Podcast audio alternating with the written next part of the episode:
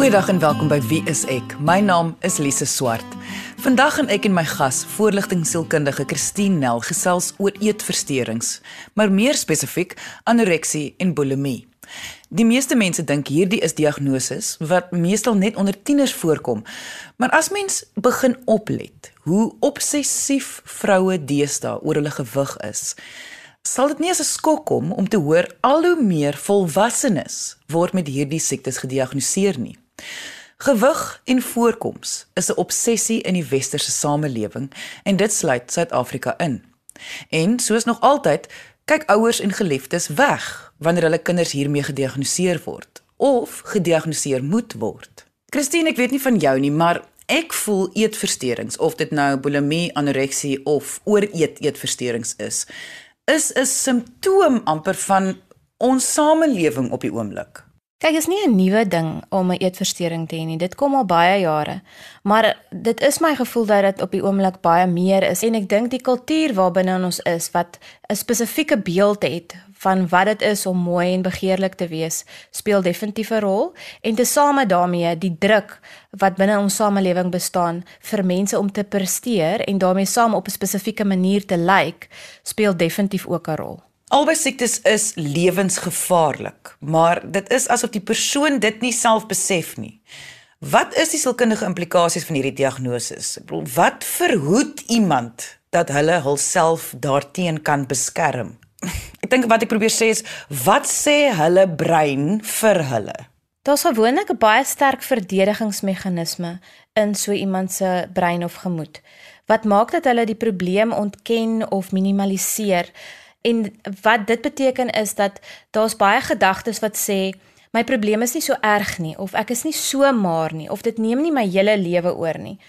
En daar's gedagtes wat sê as ek net my doelgewig kan bereik, sal alles beter wees of as ek net gewig kan verloor, dan gaan ek beter voel of beter lyk like, of mense gaan meer van my hou of as ek net dit kan regkry om by hierdie dieet te hou, dan gaan alles begin beter raak in my lewe.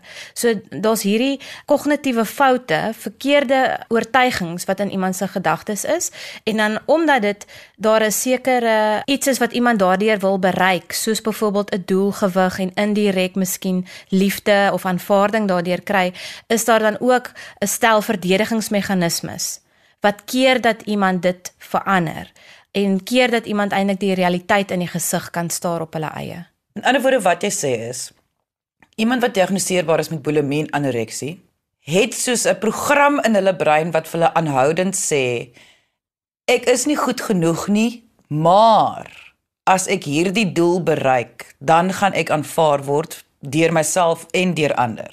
Is dit is dit waarop dit neerkom? Ja. Nee, ek dink dit is baie goed gestel.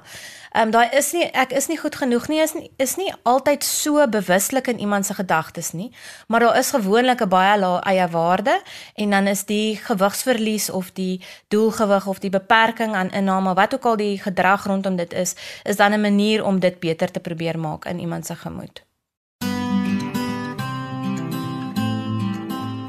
Wat presies is bulimie? Eenvoudig gesê is bulimie 'n kombinasie van simptome waar daar eetsessies is waar mense in 'n kort tydjie baie meer en vinniger eet as wat ander mense in dieselfde tyd sou geëet het en dan daarna iets doen om te kompenseer daarvoor.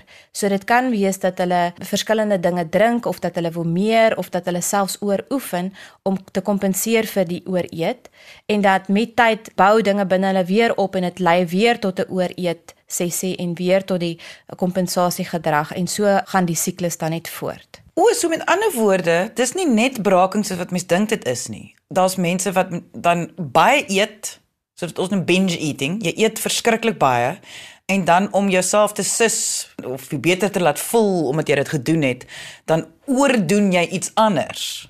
Ja, en dit kan ook wees om 'n middel te drink wat ehm um, dan maak dat mens die oorinname uiturineer of 'n uh, lakseermiddel drink of of iets wat jou laat um ekstra urineer gebruik om dan um, te help met die uitskeidingsproses. En anoreksie, wat is dit?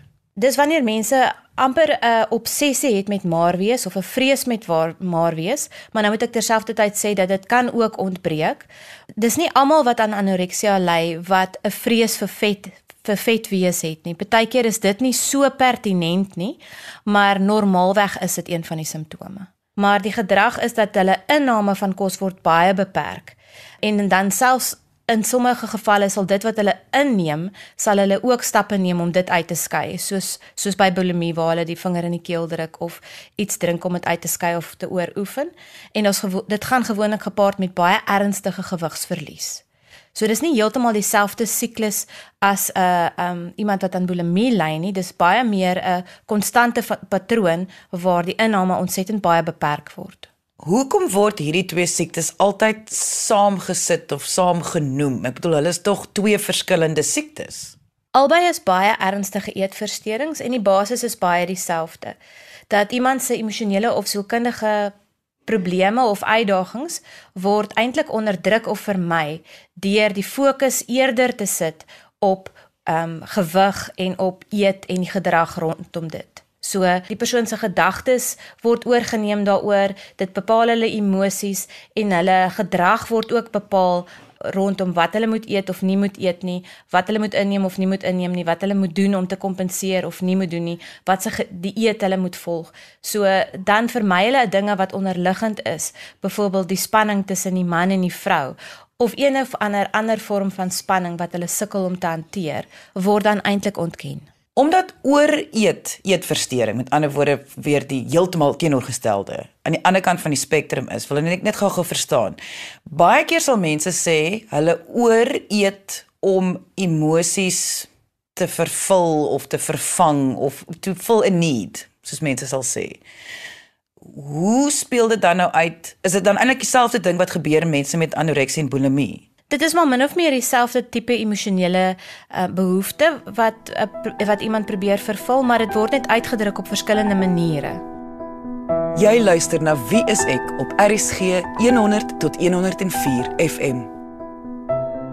Nou, eetversteuring en verslawing voel altyd vir my so naby aan mekaar. Is daar trekke wat oorvleuel? Ja, ons sien eintlik 'n eetversteuring as 'n verslawing. En ons onderskei tussen middelverslawing en prosesverslawing. Middelverslawing is 'n maklike voorbeeld is alkoholisme. So iemand is verslaaf aan iets spesifieks en sukkel om op te hou om dit te gebruik of dit in matige hoeveelhede te gebruik. Maar met 'n prosesverslawing is iemand verslaaf aan 'n spesifieke proses. So daar's daar's gedrag by betrokke. Ehm um, en hier kan ons dink aan iets soos 'n dubbelverslawing of 'n seksverslawing eetversteuring val in daardie kategorie, maar wat dit anders maak is dat 'n mens kan lewe sonder om te dobbel. Dit is nie 'n lewensnoodsaaklike behoefte nie, maar jy kan nie lewe sonder om te eet nie. Want dit is wat werk met 'n eetversteuring so moeilik maak. Want 'n alkolikus kan aanhou lewe sonder om um alkohol te gebruik. Iemand wat dobbel kan aanhou lewe sonder om dobbel te gebruik, maar 'n mens kan nie aanhou lewe sonder om te eet nie. Ehm um, so die die behandeling daarvan is baie meer kompleks. Weet dit dit is 'n lewensbelangrike funksie wat jy moet leer bestuur. Voor ek nou kom by die behandeling, want ek wil graag daaroor gesels oor die kompleksiteit van die behandeling. Wil ek tog net eers nog verstaan. Dit voel vir my iets moet tog dit dryf. Ek weet as die gedagtes van soos wat ek dit nou baie eenvoudig gestel het net nou dat dat jy is nie goed genoeg nie. Maar dit kom tog neer op ander diagnoses wat ons dan nou ook hier moet inbring want ons praat dan mos nou nou van angstigheid iets wat jou dryf om jou lewe letterlik in gevaar te stel ja eetversteurings het 'n baie hoë komorbiditeit met ander versteurings so dit beteken daar kan gelyktydig meer as een diagnose voorkom hmm. So saam met 'n eetversteuring kan 'n mens baie keer sien daar's ook algemene angs of daar is obsessiewe kompulsiewe versteuring, daar's simptome van depressie en daar's baie keer ook onderliggende onverwerkte trauma.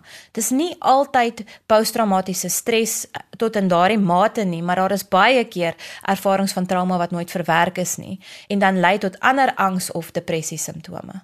Omdat 'n eetversteuring gedrag is, sou mens dan so ver kon gaan om te sê dat dis amper dan 'n simptoom of 'n of 'n uitbeelding van hoe hoog iemand se kom ons sê ons kan nie sê spesifiek nie maar hoe hoog iemand byvoorbeeld se angs is of hulle depressie is of hulle selfwaarde is of hulle obsessiwiteit is. In 'n mate ja en in 'n mate nee.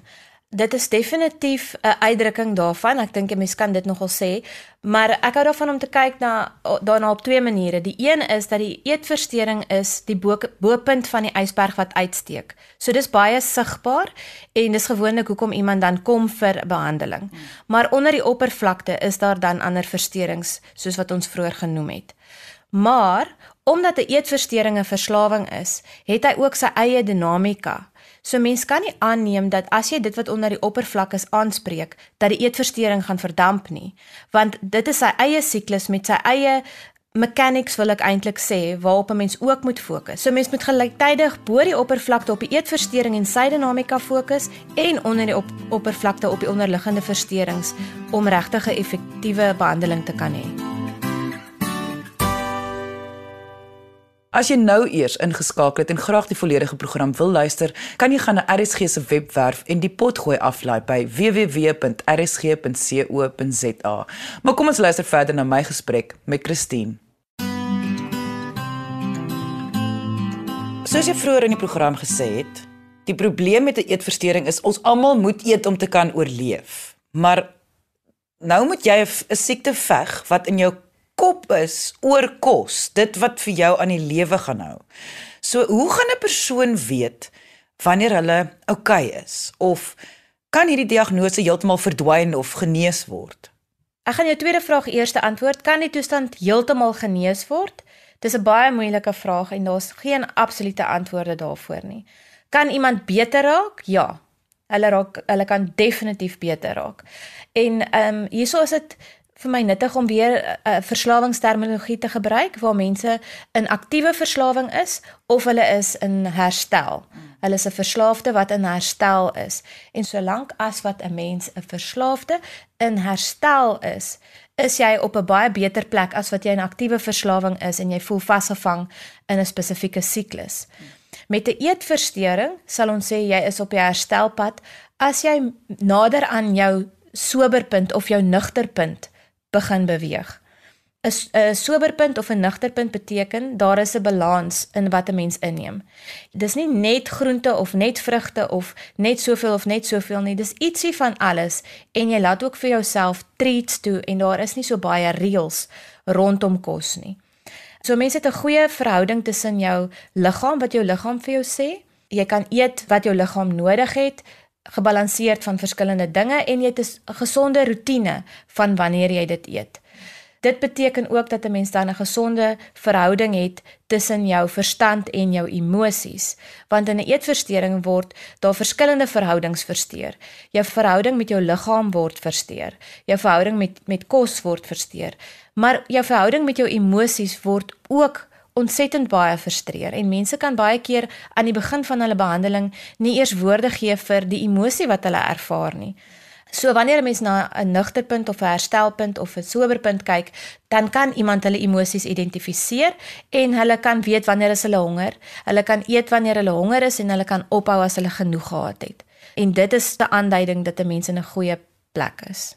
Maar ek neem aan daar sal met ander woorde lewenslank snellers wees wat die persoon sal kan affekteer om weer die eetsteurnis te laat opvlam. Wat sal voorbeelde wees van sulke snellers? Mens wil kyk na veranderinge. Dinge soos om van werk te verander of te trek of te trou of ouerskap of 'n verlies van 'n aard of 'n trauma of net 'n situasie waar mens voel jy het 'n verlies aan beheer en dit is gewoonlik gepaard met 'n tipe van 'n verandering. Maar dit kan ook kleiner dingetjies wees soos 'n vriendin wat 'n opmerking maak oor jy wat gewig opgetel het of verloor het of 'n ander vriendin wat op 'n dieet gaan. Hmm iemand wat 'n aanmerking maak oor jou kind se gewig of jou kind se eetgewoontes of dinge wat gebeur in die verhouding tussen die ouer en die kind of tussen die die man en die vrou of die lewenspartners. So mens moet maar bewus wees van hierdie goed, maar 'n mens wil nie graag hê iemand moet vreesagtig wees dat so iets kan gebeur nie.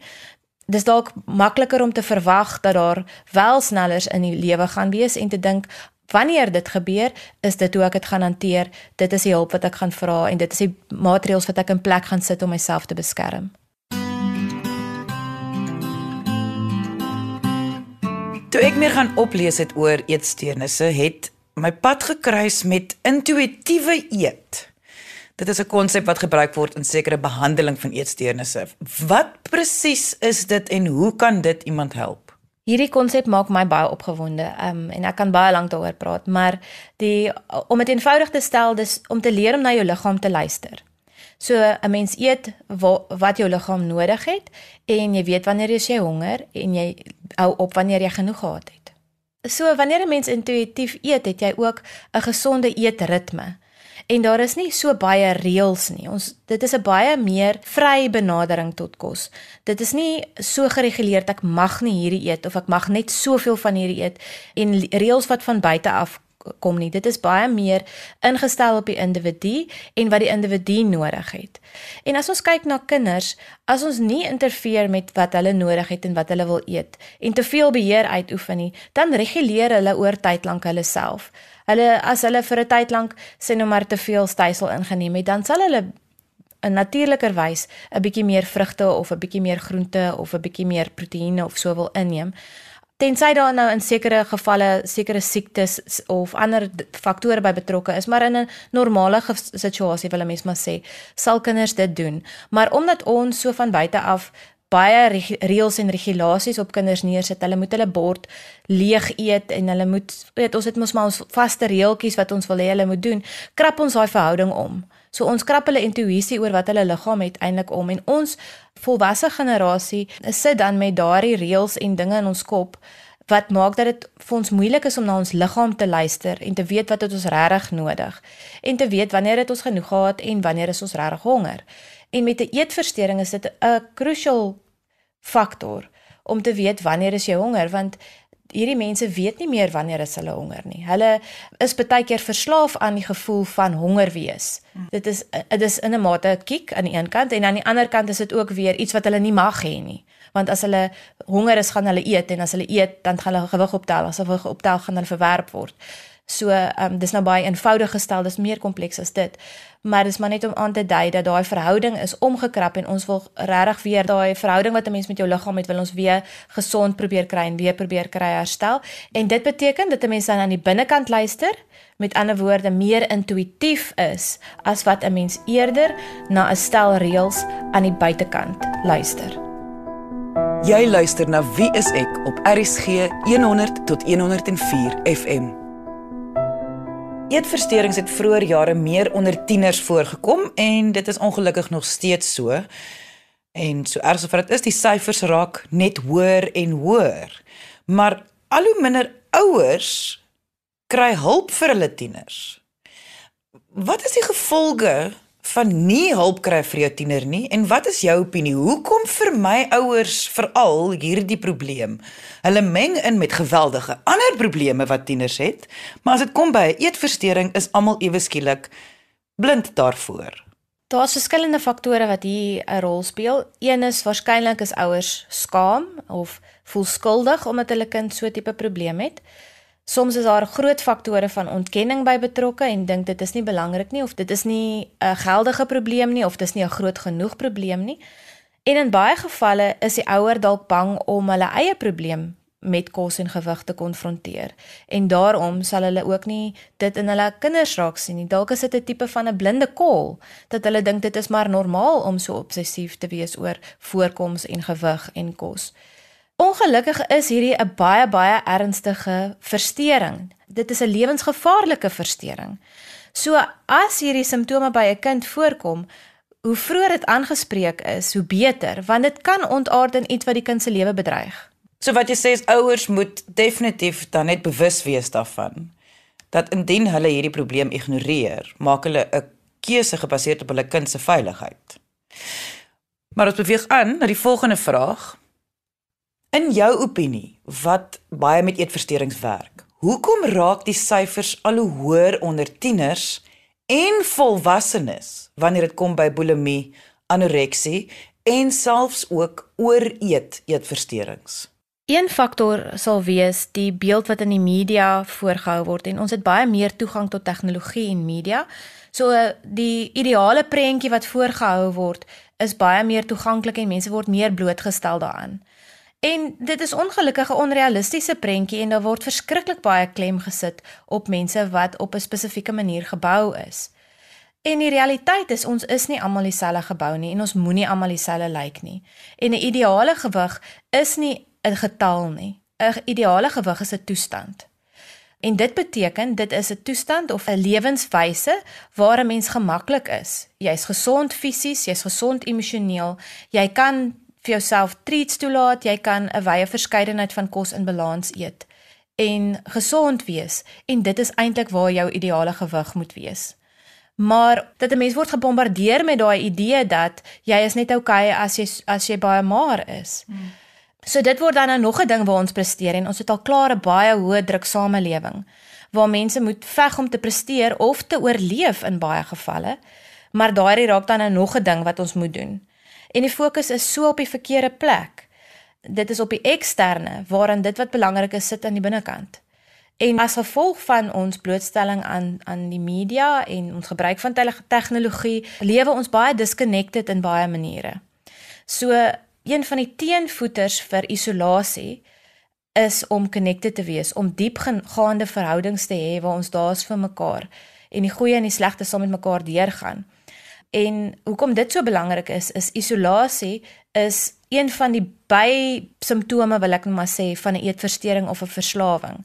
Dit speel 'n ontsettende groot rol want die die mense sukkel om met daardie daai tension of daai spanning te lewe wat daar in verhoudings is en nou isoleer hulle deur hierdie eetversteuring. Natuurlik is dit nou nie 'n bewuslike proses nie. Glad nie. Uh, maar hulle wil so graag deel wees en hulle wil so graag liefde hê. Maar terselfdertyd is hulle ook verbonde aan hierdie eetversteuring wat hulle isoleer. So daarom dink ek ook dat die isolasie in ons samelewing 'n groot faktor is om eetversteurings te bevorder. Ek dink ook baie keer dat eetversteurings, die hoeveelheid mense wat met depressie gediagnoseer word, verslawing, al hierdie syfers wat al hoër en hoër en hoër raak, is vir my 'n teken hoe angstig ons as 'n wêreldsamelewing is. Dat die angsvlakke is net so geweldig hoog konstant gedrewe deur wat ook al elke individu se hoekom dit so is, ons gaan verskil, maar daai aanvaarding van ek is nie goed genoeg nie of ek probeer so goed wees soos die res of ek wil net inpas soos jy nou gesê het van die isolasie. Dit voel vir my raak net meer en meer en meer. Hoe meer ons veg om deel te wees, hoe minder is ons deel van mekaar. Ja, dis baie waar. En die klem is op die verkeerde plek. Ons probeer iets aan die buitekant bereik om iets aan die binnekant te fix.